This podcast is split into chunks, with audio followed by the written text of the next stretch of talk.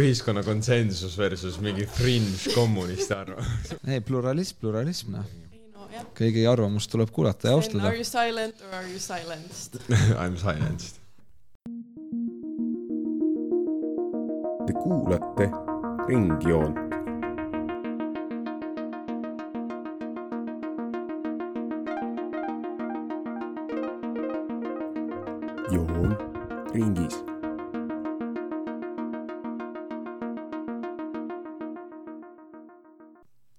Tere tulemast stuudiosse. täna siis meie kaasmõtisklejate abil me siis arutleme äh, USA-s vahepeal toimunud vahevalimiste üle. minuga on stuudios täna äh, Sten Markus Mesila, Siim Vaher ja äh, puldis on Kaili Grönström. mina olen Inge Maas ja mina olen täna saatejuht tere, tere. tere. Äh, nii, siis äh, kõigepealt natukene vahevalimistest nendele kuulajatele, kes siis võib-olla nii täpselt ei tea, millega on tegu.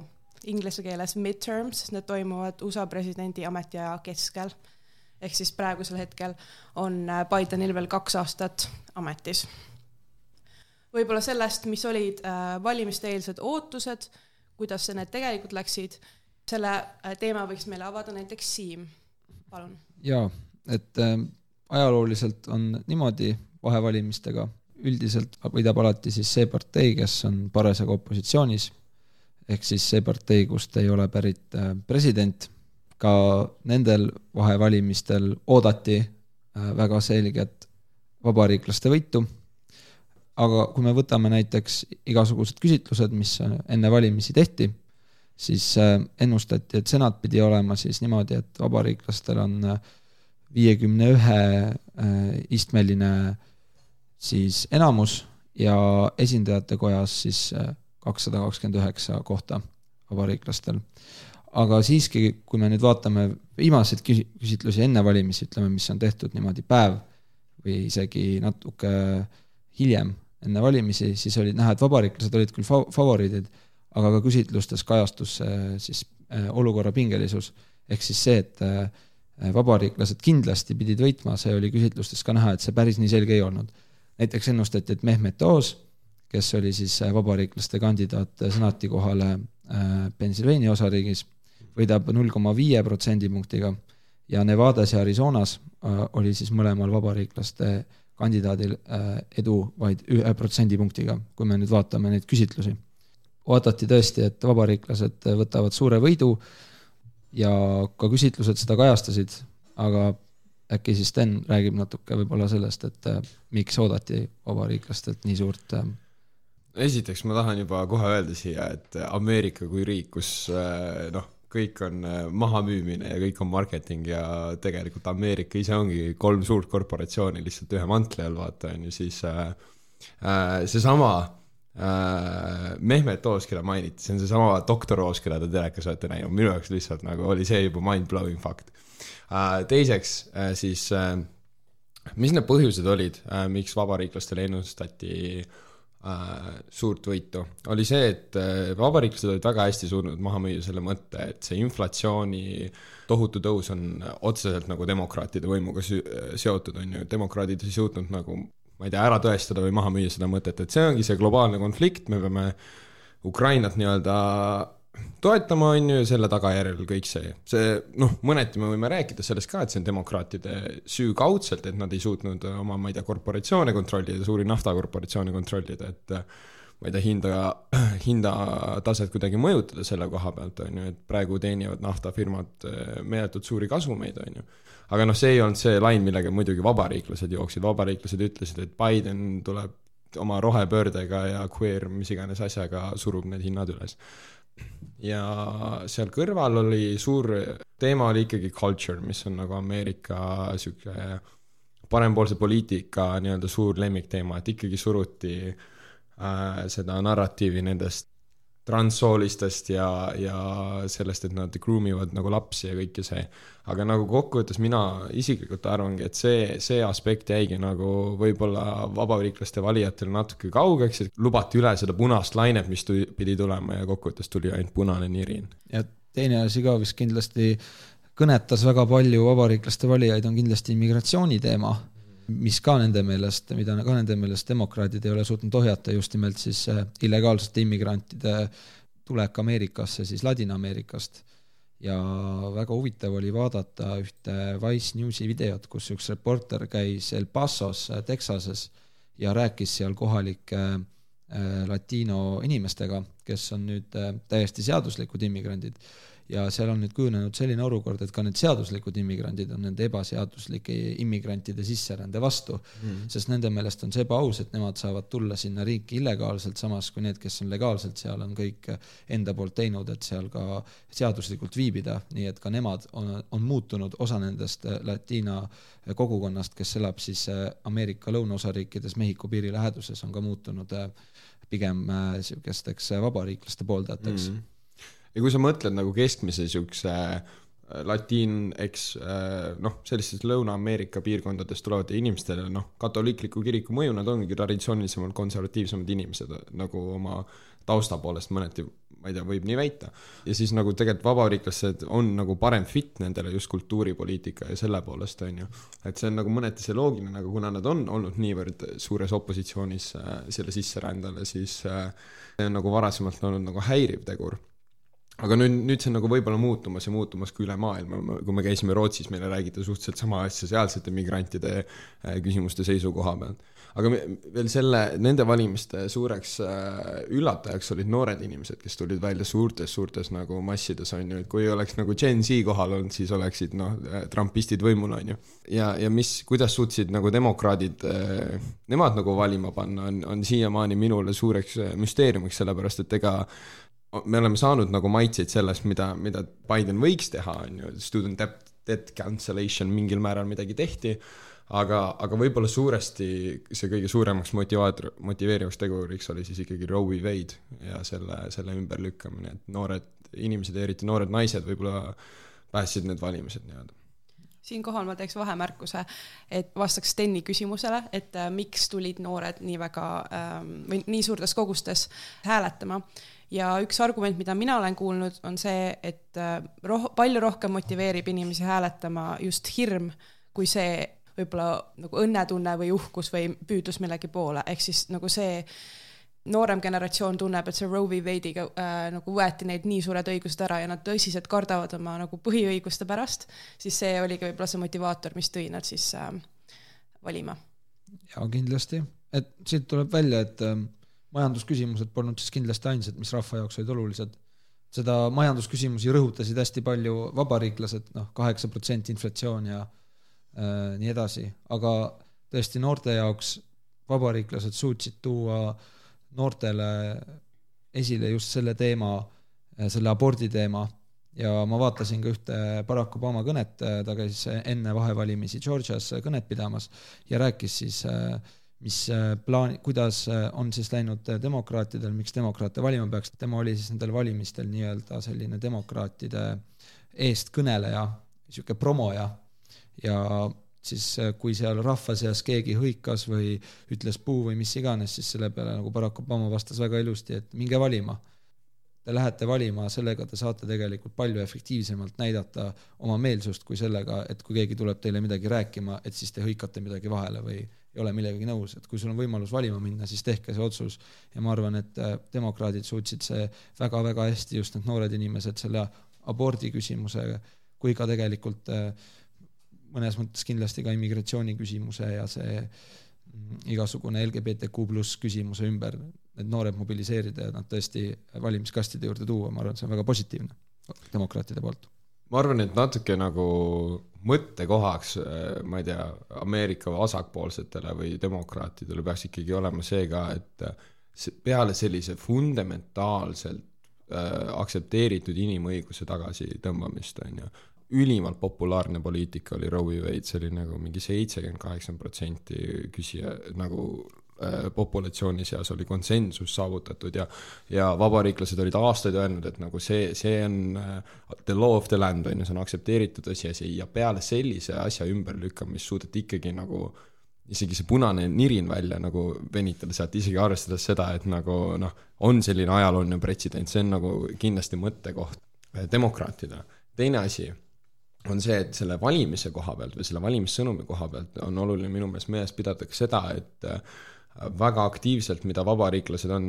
on teinud ja just nagu osariikide tasandil on üritanud nagu valimisvõimalust piirata just marginaliseeritud kogukondades, on ju, mustanahalistel äh, ja, ja nii edasi, on ju. kogu see sentiment koos sellega, et vabariiklased praegu jooksutavad väga seda teemat, et valimised on äh, korrumpeerunud, ei ole nagu äh, autentsed, need on tehakse dokumentaalfilme selle kohta, kuidas Mehhikos tuuakse viiskümmend tuhat muula ja, ja saadetakse nad valimispunktidesse, siis see nagu loob selle kogu valimisstruktuuri, selle usaldavuse selle ümber äh, väga huvitava keskkonna, kus nagu vabariiklased ise ei taha valima minna, samas äh, represseerivad äh, demokraatlikke valijaid või pot-, potentsiaalseid demokraatlikke valijaid. ehk siis nagu tulevastel valimistel saab üldse olema nagu väga ette ennustamatu nagu olukord selle koha peal nii äh,, siin kohapeal ma võib-olla võtaks siis äh, need, selle eelduse ähm, punkti kokku ja liiguks edasi siis sellega äh,, milliseks siis kujunesid tegelikult äh, kongressi valimiste tulemused. siinkohal ma võib-olla annaks sõna jällegi äh, Siimule ja äh, ma palun sul ka võib-olla välja tuua, et äh, mis rolli mängis äh, tulemustes siis näiteks eelmine president Donald Trump? jaa, et kui me vaatame nüüd neid valimistulemusi viimaseid, siis senatiga on lugu selge, demokraadid on senatis saanud viiskümmend kohta, vabariiklaste neljakümne üheksa vastu see tähendab seda, et neil ei ole küll selget enamust, kuna üks senati koht on veel lahti ja see senati koht selgub äh, kuuendal detsembril, kui omavahel lähevad äh, teist vooru vastamisi Herschel Walker ja Raphael Warnock, kes mõlemad kandideerivad siis ähm, Georgia äh, senaatori kohale. Ja kuna nii-öelda demokraatide käes on ase, on presidendi ja asepresidendi koht ja asepresidendil on otsustav hääl, siis tegelikult on demokraatidel juba äh, hästi, vahet ei ole, mis see kuuenda detsembri tulemus äh,, tulemus toob äh,. mis on üllatav, on see, kuidas äh, suudeti võita ka äh, senati kohti, mis ennustati nii-öelda küsitluste järgi, et võiksid minna napilt äh, vabariiklastele, aga demokraadid võitsid need senati kohad tegelikult suhteliselt kindlalt. et kui me vaatame Pennsylvanias näiteks John Fetterman võitis viiekümne ühe koma kahe protsendiga äh, Mehmet Oosi eest, kes sai nelikümmend kuus koma viis protsenti häältest, et siin on niisugune viie jah, viieprotsendiline häälevahe ja noh, pollides ennustati, et Mehmet Oos võidab väga napilt, aga tegelikult demokraat võitis üpriski suurelt. Äh, kui me vaatame nüüd äh, esindajate koda, siis seal on äh, saavutatud ka äh, vabariiklaste poolt küll äh, enamus, et senati kojas on vist seis nüüd sihuke, esindajate kojas tähendab, vabandust, on vist seis selline, et neil on äkki kakssada kakskümmend kohta või midagi sellist, et nad on selle enamuse juba kindlalt saavutanud. noh, et kuidas see mõjutab nüüd Trumpi, et äh, Trump on äh, väga enesekindlalt juba välja öelnud, et tema kandideerib uuesti USA presidendiks, see mulje, mis on jäänud, vaadates Ameerika meediat ühtsus seal Trumpi taga ei ole enam nii mm -hmm. suur -hmm. kui, kui enne. mõlemad kubernerid, keda Trump toetas, keda ka nii-öelda küsitlused näitasid, et nad võiksid saada kuberneri koha oma osariikides, olid Doug Mastriano ja Carrie Lake, kes on mõlemad ka kahe tuhande kahekümnenda aasta presidendi valimistulemuste eitajad, ehk siis nemad ei tunnista seda, et nad, et Joe Biden on siis legitiimselt USA president. Eh, samuti kaotasid veel teised Trumpi soosikud, keda ta noh, see USA-s kaotakse, kasutatakse sellist väljendit nagu, nagu endorsement, mis ongi siis nii-öelda nagu partei juht äh, siis äh, tõstab su esiplaanile või annab sulle siis selle volituse, et sa võid äh, sellele kohale kandideerida. Ja noh, näide on sellest näiteks see, et mõned suuremad vabariiklased doonorid, näiteks Citadelli CEO Ken Griffin on poliitikule öelnud, et tema toetab kahe tuhande kahekümne neljandal aasta, aasta presidendivalimistel Ron DeSantist, kes on hetkel Florida, Florida kuberner ja sai ka vahevalimistel väga hästi hakkama, et suutis Florida hoida punasena. nii et eh, siit on näha, et see Trump küll kandideerib, aga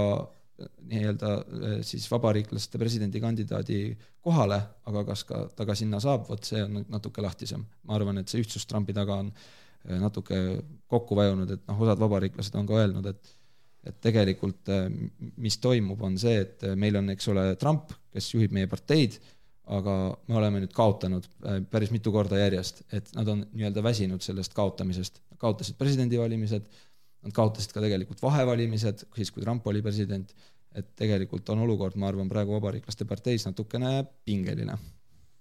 jaa, ma olen täiesti nõus sellega, et see ühtsus, mis oli nagu Trumpi taga, on kuidagi nagu murenemas vähemalt, on ju. Äh, aga mind, mind just huvitabki see, et vabariiklased on väga pragmaatilised olnud oma äh, nii-öelda toetu-, toetamise poolest ajalooliselt, on ju, Trumpi taha hüpati ju suhteliselt kiirelt, Ted Cruz, kelle enda nagu ema, mitte ema, vabandust, naist sõimati äh, mingiks koledaks Trumpi poolt, oli üpriski kiiresti tema toetaja, ehk siis minu jaoks ongi huvitav mõte mõelda nagu tuleviku peale, et kas, kas see nagu saab olema hea asi äh, siis Bideni taasvalimise kampaaniaks, on ju, et nagu potentsiaalselt äh, ma arvan, et Trumpil on suurem võimekus lõhestada seda erakonda kui, kui varasematel vabariiklikel kandidaatidel, sellepärast et temal on niisugune mõneti niisugune persoonikultus ümber ehitatud ikkagi paljude seas. aga, aga eks see, see ei ole nagu näida-, näha, on ju, tulevastel valimistel, aga ma ei, ma, ma kuidagi kahtlen DeSantis'e koha pealt, nagu ei tundu olevat niisugune ma ei tea, nii jõuline kandidaat, ma ei tea, Siim, mis, mis sina selle koha peal arvad? Äh, ma arvan, et ta võib olla Trumpile väga oluline konkurent, äh, mis puudutab äh, vabariiklaste siis presidendikandidaadi nomi-, nominatsiooni. ta on, eks ole, Florida kuberner, ta on Floridas vabariiklasi väga hästi nii-öelda esindanud, ta, ta on siis jah, ütleme Floridas vabariiklaste positsiooni ka latiina valijate seas kõvasti tugevdanud mm. -hmm. Florida on ilmselgelt praegu suhteliselt tugevalt vabariiklik osariik aga võib-olla tal on puudu sellest ähm, võimest, ähm, mis on Trumpil väga arenenud ja see on nimelt otsida doonoreid yeah. oma kampaaniale, Trump on selles hästi osav, ta ei pruugi olla väga osav, väga osav poliitik või väga kompetentne poliitik, USA president, ent ta on üpriski osav äh, ärimees, tal on kontaktid, tal on tutvused ja selle kaudu ta saab tegelikult enda juurde meelitada suhteliselt äh, Äh, jõukaid doonoreid, kes on nõus tema valimiskampaaniale panustama ja sealt võibki tekkida siis see nii-öelda rahaline ebavõrdsus ja ta võib ka siis tänu sellele siiski saada äh, vabariiklaste uueks presidendikandidaadiks, et ja, ma arvan, tuntud persoon ja tuntud persoon ja nii edasi, et ma arvan, et ka, et äh, Santis on võib-olla niisugune väike oht, aga võib-olla tõesti ähm, juhtub ikkagi see vähemalt kaks tuhat kakskümmend neli või ma arvan ka, et, et võib olla küll nii, et Trump on endiselt vabariiklaste presidendikandidaat. nüüd äh, võib-olla siis liigumegi selle tulemuse äh, su äh, suunas, et me oleme nüüd teada saanud, et senat läks demokraatidele üllatuslikult, aga valimiskoda jäi siis vabariiklaste kätte. seega on tulemuseks siis meil kas siis lõhenenud või jagatud valitsus ehk siis äh, võib-olla te avaksite siis kuulajatele natuke seda teemat, et äh, mida need mõlemad kongressikojad teevad ja, ja siis kuidas see võimujaotus nii-öelda mõjutab ähm, USA sisepoliitikat või, või näiteks demokraatide ja Bideni ähm, äh, poliitika tegemist. võib-olla räägin siis alustuseks natuke nendest mõlemast kojast, nende ülesannetest tegelikult senati esindajate koda täidavad mõlemad sarnaseid ülesandeid suuremalt jaolt, tähendab, paljud, enamustes asjades on vaja mõlema heakskiitu. Nende ülesanded on näiteks eelarve vastuvõtmine, seaduseelnõude vastuvõtmine, riigiarmee ülevalpidamine ja haldamine, samuti on nemad need, kes saavad teha lisandusi põhiseadusele, selleks on vaja kahe kolmandiku mõlema koja eh, poolt hääli, samuti kaubanduse reglementeerimine ka välisriikidega maksude kehtestamine, tõstmine, sõja väljakuulutamine ja nii edasi, see tähendab, et on vaja toetust, nende tegevuste jaoks on vaja toetust mõlemast kojast. kui me võtame nüüd ette eraldi senati, siis mis on senati ülesanne, senati ideaal siis äh, ülesanne on see, et tema peaks esindama osariike. ehk siis seal on võrdne representeeritus, olenemata rahvaarvust on igal osariigil kaks saadikut ja USA-s on viiskümmend osariiki, nii et kokku teeb see siis sada saadikut. senatil on ka teatud, mina ütleks nende kohta siis erilised vast-, erilised vastutusülesanded või siis erilised kompetentsid, et üks, mis on kindlasti kõige tuntum, on impeachment,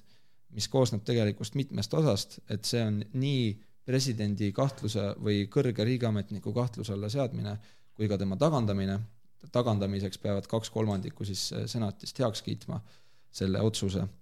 samuti kinnitab senat ametisse presidendi poolt äh, nomineeritud kõrgeid riigiametnikke, näiteks äh,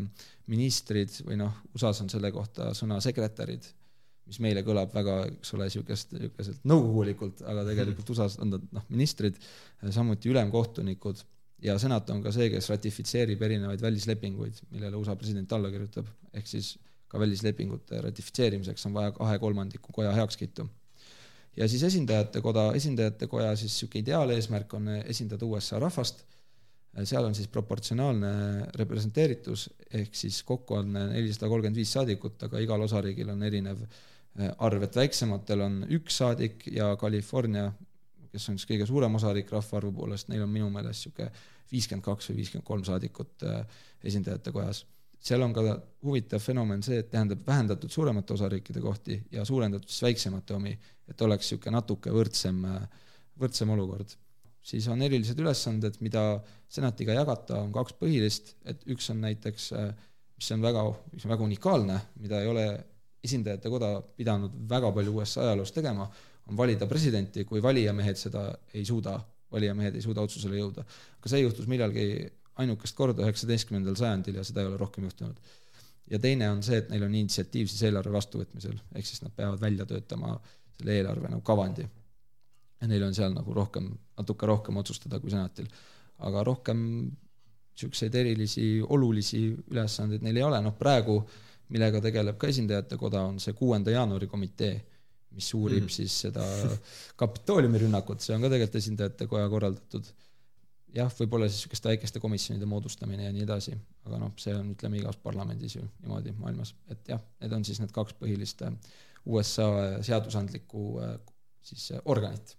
ma kõigepealt tahaks rääkida natukene siis muudatustest, mis hakkavad Demokraatliku Erakonna enda siseselt toimuma ja siis saame sellest deduktiivselt järeldada, mis, mis on nagu policy changes või mis probleemid võivad tekkida. ehk siis üks asi, mille me peale saame kohe mõelda, on see, et kuna nad kaotasid alamkojas äh, oma enamuse, siis ei ole meil enam Nancy Pelosi äh,, kes juba niikuinii oli peaaegu surnud. Äh, Hot take. Väga heavy, väga heavy. kes äh, saab nüüd oma nii-öelda nagu vabariiklastel meeldib öelda, vabariiklastega seotud meedial meeldib öelda, saab oma gei abikaasa juurde tagasi minna, vaata onju. Väga heavy jälle ühesõnaga jah, tõenäoliselt toimub spiikri vahetus ja kes siis võiks demokraatidel selle rolli nii-öelda üle võtta, on üks äh, suur võtmeküsimus. Ja tõenäoliselt nagu praegu paistab, on see järgmine troonipärija isik nimega Hassan Jeffrey, kui ma ei eksi, on see õige nimi tal, kes on ka sihuke äh, kui me enne rääkisime sellest, et DeSantis, äh, DeSantisel puudub selline nagu Äh, raha, raha korjamise võimalus, on ju, siis äh, Hassan äh, on jällegi väga osav selles, on ju, sellepärast ongi suur neoliberaalse establishment demokraatide nii-öelda lemmik või üks esinumbreid, on ju. ja suur nii-öelda Clintoni mõttekaaslane, kui nii võib öelda. et selles suhtes sealt võib näha seda tulemust olla ja on nagu militantsed selle demokraatliku erakonna nii-öelda progressiivse vingi vastu, ehk siis lihtsalt sihuke väike märkus, et minu meelest ähm, on sihuke lugu, et äh, see, kes on nüüd uus äh, esindajatekoja spiiker, peab tulema ikkagi vabariiklastest. ja, ja ei, seda absoluutselt, aga ma, ma räägin sellest, kui nagu demokraadid jälle võimule saadavad, sellepärast Nancy okay., Nancy tõenäoliselt nüüd paneb ameti, ta andis ka just kõne, kõnes teada, et ta paneb ameti maha, vaat see on minu point. aa, okei okay,, okei okay.. mis on siis veel USA sisepoliitiliselt, et ma võiks äh, tuua siukse paralleeli, et ähm, Joe Biden oli äh, enne neid valimisi oli nagu sihuke pilves ilma all, siis oli oht, et hakkab vihma sadama, et ta satub nagu räästa alla. aga nüüd ta on ikkagi jäänud nagu siukse, siukse vihma alla, nagu ütleme niimoodi, et olukord ei ole, ei ole nagu super hea, aga samas olukord ei ole ka nagu väga halb. et äh, olukord on siis selline, kus senat, esindajate koda on nüüd pidevalt konfliktis kuna kui senat äh, peaks heaks kiitma selle seaduseelnõu, mis Biden välja käib, siis esindajate koda seda heaks ei kiida ja tekivad seal siis niisugused, niisugune konflikt pidev. et ähm, aga samas, mis on Bidenil nagu hea, on see, et ta saab siiski ametisse nimetada, seada kõrgeid riigiametnikke nagu ülemkohtunikud ja riigisekretärid. Äh, mis tähendab seda, et äh, kui juhtub nii, et on vaja uut ülemkohtunikku, ta esitab oma kandidaadi ja senat selle heaks kiidab, siis ei jää sellist auku äh, sinna just ülemkohtunike äh, siis ülemkohtusse mille saaks ära kasutada näiteks Trump, kui tema tuleks presidendiks, sest kuna nüüd ka, kui oleks niisugune olukord, et eh, vabariiklaste käes on mõlemad kojad, siis Bidenil puuduks igasugune võimalus ametisse seada siis oma ülemkohtuniku kandidaate, mis tähendavad, et need kohad jäävad tühjaks, mis tähendab seda, et kui võimule tuleb Trump, siis Trump saab sinna panna omad kandidaadid, sest senat on, oleks siis nii-öelda vabariiklaste poolel ja nad kiidaksid need kandidaadid heaks. see on positiivne. mis on võib-olla veel negatiivne on see, et äh, tihti on USA meediast viimasel ajal läbi käinud, et see kuuenda jaanuari komisjon, mis praegu uurib siis seda, kuivõrd palju on Trump ja Trumpi lähikond seotud siis äh, Kapitooliumi rünnakuga kuuendal jaanuaril kaks tuhat kakskümmend üks, siis äh, see komisjon ilmselt, ilmselt vabariiklased ajavad selle komisjoni laiali. ja mis võib juhtuda, on see, et vabariiklased algatavad hoopis oma komisjonid, kus nad hakkavad siis uurima demokraate näiteks äh, võtame ette Joe Bideni poja Hunter Bideni ja vabariiklased on väga-väga huvitatud tema äritegevusest Hiinas. ja samuti on vabariiklased välja käinud mõtte, et teeks komisjoni, mis uuriks siis seda koroonaviiruse ja Hiina seost. et need on niisugused väga huvitavad ettepakkumised. Ma arvan, et see on nagu USA nagu poliitikas niimoodi kokkuvõtlikult, mis, mis nüüd võib juhtuda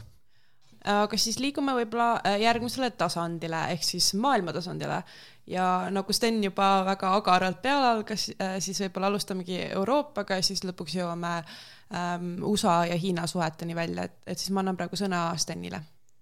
kas siis on põhjust arvata, et toetus Ukrainale nagu muutub? Mina isiklikult kahtlen, põhjuseid on kaks tükki, esiteks mili-, militaarindustrial kompleks on ju, on kahe partei mõlema nii-öelda huvi ja raha saavad nad sealt mõlemad, seega ma arvan, et Raytheon ja Boeing ja kõik teised elavad kõik hästi edasi. ja, ja seetõttu äh, ei usu, et toetused kaovad selle poolelt, aga äh, teine asi on ka see, et seesama trumpistlik kontingent äh, Vabariiklaste parteis oli just see, kes äh, kotti, kotti sai nii-öelda ju, nemad olid pigem need suuremad promootorid sellele, et miks me võitleme mingisuguste äh, suvaliste Euroopa konfliktide pärast mingi kuskil kaugel mere taga, on ju ma siis äkki liigun edasi selle Hiina, Hiina peale sujuvalt, kui meil juba jutud maailma peale läksid. olukord on selline, et lugesin ühe rahvusvahelise insti- ja strateegilise instituudi, mis, mis on siis üks Prantsuse think tank, nende ühte artiklit, ja seal kirjutati, et Hiina koha pealt on siis ähm, vabariiklaste ja demokraatide seas suurem konsensus, kuna mõlemad näevad äh,, näevad Hiina tegevust siis kohalikul tasandil, siis Hiina tegevus äh, Lõuna-Hiina meres. Äh,, Hiinal on ka väga protektsionistlik majanduspoliitika. Äh, ja samuti me näeme ka Hiina autoritaarsust nende sisepoliitikas ja seda peegeldab ka ameeriklaste avalik arvamus, et ühe küsitluse järgi peab siis kaheksakümmend üheksa protsenti ameeriklastest Hiinat pigem rivaaliks ja ohuks kui partneriks. ja noh, mis võib siis kokkuvõtvalt öelda, et Bidenil on siis lootus saada toetust äh, Hiina küsimustes, ent oluline on meeles pidada, et mida lähemale jõuavad kahe tuhande kahekümne neljanda aasta presidendivalimised, seda vähem on vabariiklased valmis Bideniga koostööd tegema, kuna nende jaoks on kasulik just enne valimisi näidata, et Bideni valitsus on nõrk ja ei suuda mitte midagi teha. ehk siis äh, nad saavad nii-öelda ise oma tegevusega esindajate kojas väga, väga ilusti tegelikult selle koha pealt mängida, jätta rahvale mulje justkui, justkui Bideni valitsus ei saaks mitte millegagi hakkama, ta ei sobiks järelikult presidendiks ja eks oleme nii edasi, et see on nagu huvitav areng, ma arvan, mis võib täitsa toimuda lähiajal. võib-olla siis liigume äh, väikse ringiga tagasi ähm, Trumpi juurde. Trump äh, väga küsitaval ajal siis ähm, tuli lagedale oma kandidatuuriga kahe tuhande kahekümne neljanda aasta USA presidendiks. Ehk siis, kas teil on äh, mõtteid selle teema kohta? Minu jaoks esimene mõte, mis seostub selle kandidatuuriga üldse, oli, oli kogu see fiasko selle, nende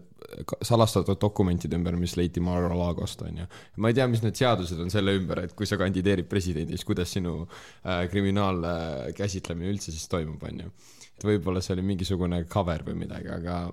see on juba vandenõuteooria, ärme sinna lasku. ma olen äh, tegelikult kuulnud suhteliselt äh, nagu mainstream meediakanalitest ka seda spekulatsiooni, et osa Trumpiga kandidatuuri motivatsioonist võiski olla see, et kui hakatakse tegema mingisuguseid investigatsioone paberite kohta, siis seda on oluliselt keerulisem teha kellelegi, kes on ähm, siis in the run USA presidendiks saamiseks. noh, minu arvamus Trumpist on väga selge, et tegu on äh, ilmselgelt nartsissistiga ja ma arvan, et ta ise luges olukorda niimoodi, et okei okay, äh,, meil olid vahevalimised, tegelikult nagu läk-, ei läinud nii hästi, kui arvati, aga, aga teeme siis kuidagi nüüd niisuguse PR-liigutuse, et ma nüüd kuidagi äkki, kuna ma olen, eks ole, ikkagi nii, nii tubli inimene ja tark inimene, ta on endast väga heal arvamusel, ma, ma arvan, et see on nagu, see on täitsa nagu fakt, et noh, siin ei ole midagi vaielda. siis ta mõtles, et toon välja siis oma selle soovi kandideerida vabariiklaste ridades Ameerika presidendiks kahe tuhande kahekümne neljandal aastal. Siin võib olla taga nii-öelda see, et okei okay,, et need valimised meie jaoks ei läinud nii hästi, kui ma oleks tahtnud, aga äkki mina nüüd kui endine USA president, kui ma nüüd selle ütlemisega välja tulen, äkki ma suudan natukene seda valimistulemuste negatiivsust kuidagi nagu tahaplaanile lükata või kuidagi alla suruda, et äkki ma nüüd lükkan iseennast selle poliitilise diskussiooni ja siis nagu niisuguse rahva niisuguse meediapildi keskele, et see, ma arvan, et see võis olla üks nagu motivatsioon. Ma arvan jaa, see on väga hea niisugune võib-olla kahe, kahe nii-öelda jõu kokkutulemine, mis võib-olla panigi paika selle, miks see deklaratsioon tegelikult nii kummalisel ajal toimus, vaata, on ju, selles suhtes, et eh, kas ta on nüüd esimene kandidaat, kes seda ütles, et ta kandideerib, noh, täpselt just need kaks jõudu, on ju, et eh, see praegune uurimine, mis toimub nende Mar-a-Lago dokumentide osas ja siis see, et eh, vahevalimiste järgne vaja face, nägu päästa, on ju, ja vaja, vaja veel relevantsena püsida sellel poliitilisel maastikul, sest muidu jah, võib-olla noh, meediaaparaat jookseb ja, ja partei aparaadis ja töötab ka samamoodi selle tempoga, et ai, okei okay,, meil kaks korda, kaks korda ma kordan, oleme nüüd Trumpi, trumpismi proovinud rakendada, aga, aga ei ole vilja kandnud siin juba mõnda aega, on ju. aga ma olen ka kuulnud äh, sellist arusaama, et äh, tegelikult see nüüd baseerub äh, sellisel vaatlusel, et kõne ajal tegelikult Trump ei tundunud üldse entusiastlik ehk siis ähm, arusaam on siis selline, et Trumpile tegelikult lihtsalt ülimeeldib teha kampaaniat ja see mingisugune huvi riiki juhtida on selline nagu tagaplaanile jääv asi. ehk siis äh, talle lihtsalt meeldib olla tähelepanu keskpunktis, talle meeldib äh, äh, lajatada meedias ja siis sellega hoida ennast nagu relevantsena äh,. nii, siis äh, saate lõpus tegelikult tõstatame veel väga pinksa teema äh, Hiina siis on just toimunud G kakskümmend kohtusaamine ja samuti on kokku saanud Xi ja Biden. ja väike äh, taustainfo selle kohta on see, et Xi ja Biden on tegelikult juba ammusest ajast tuttavad. nimelt olid nad samal ajal mõlemad asepresidendid, eks nad on omavahel juba pikalt kohtunud ja teavad üksteist. Äh, samuti, mis on märkimisväärne nende kokkusaamise puhul, on see, et neil on äh, siis Bideni äh, puhul on äh, näiteks siis äh, vahevalimiste demokraatide võit ja Xi puhul siis äh, parteikongressi nagu edukas läbiviimine. eks nad tulid mõlemad sinna kohtumisele tugevatena ja suhteliselt võrdsel tasandil ja võib-olla siis meie saatekülalised nagu natuke laiendaksidki seda teemat, et siis mis nende kohtumisel teemaks tõusid? no suhete normaliseerimine, vaat sellise Trumpi ajastul paika pandud need noh, protectionistlikud ja trade war'i nii-öelda reeglid nagu tegelikult need ei ole kummalegi majandusele kasulikud olnud, on ju. väga iroonilises mõttes on Hiina Kommunistlik Partei üks äh, suuremaid free trade advokaate, on ju. ja võib-olla nende reeglite nii-öelda pehmendamine või suhete normaliseerumise äh, poole pürgimine on niisugune hea välispoliitiline võit, mida ka mõlemad riigid saaksid äh, enda jaoks nagu kehtestada, teine asi on kindlasti ka Ukraina konflikt, kuigi noh, me ei kujuta ette,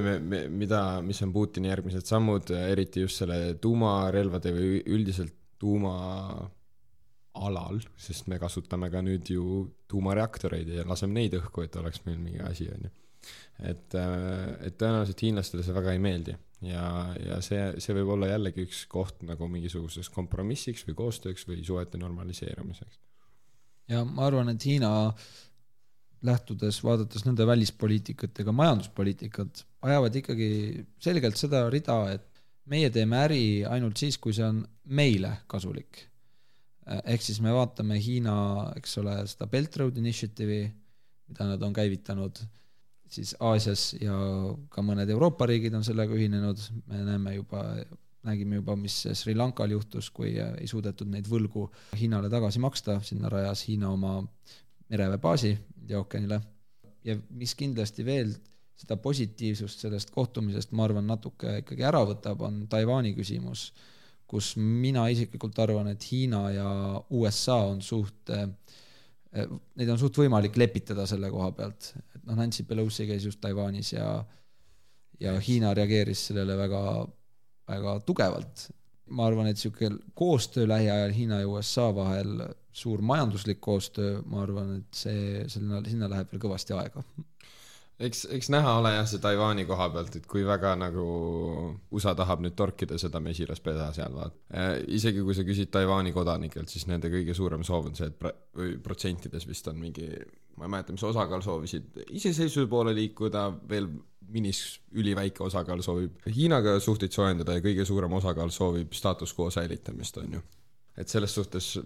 võiks, võiks ju loota sellele, et USA alus äh, selle nii-öelda koostöö või suhete parandamise jätkamisel ongi see, et võetakse arvesse ka natukene Taiwan'i äh, rahva soove, aga noh, eks see ka omaette näha ole, omaette teema ole. iseasi, kas Hiina neid arvesse võtab? seda kindlasti võib-olla siis sellisel ähm, tuleviku vaatel noodil me siis äh, tänase saatega lõpetame. saate lõpuks ma tahan veel kuulajatele anda väikse teavituse Äh, lõpus ma tahaks veel mainida kuulajatele, et äh, kuna Mixcloud on oma teenuse reegleid muutnud, ei saa kahjuks me seda enam kasutada.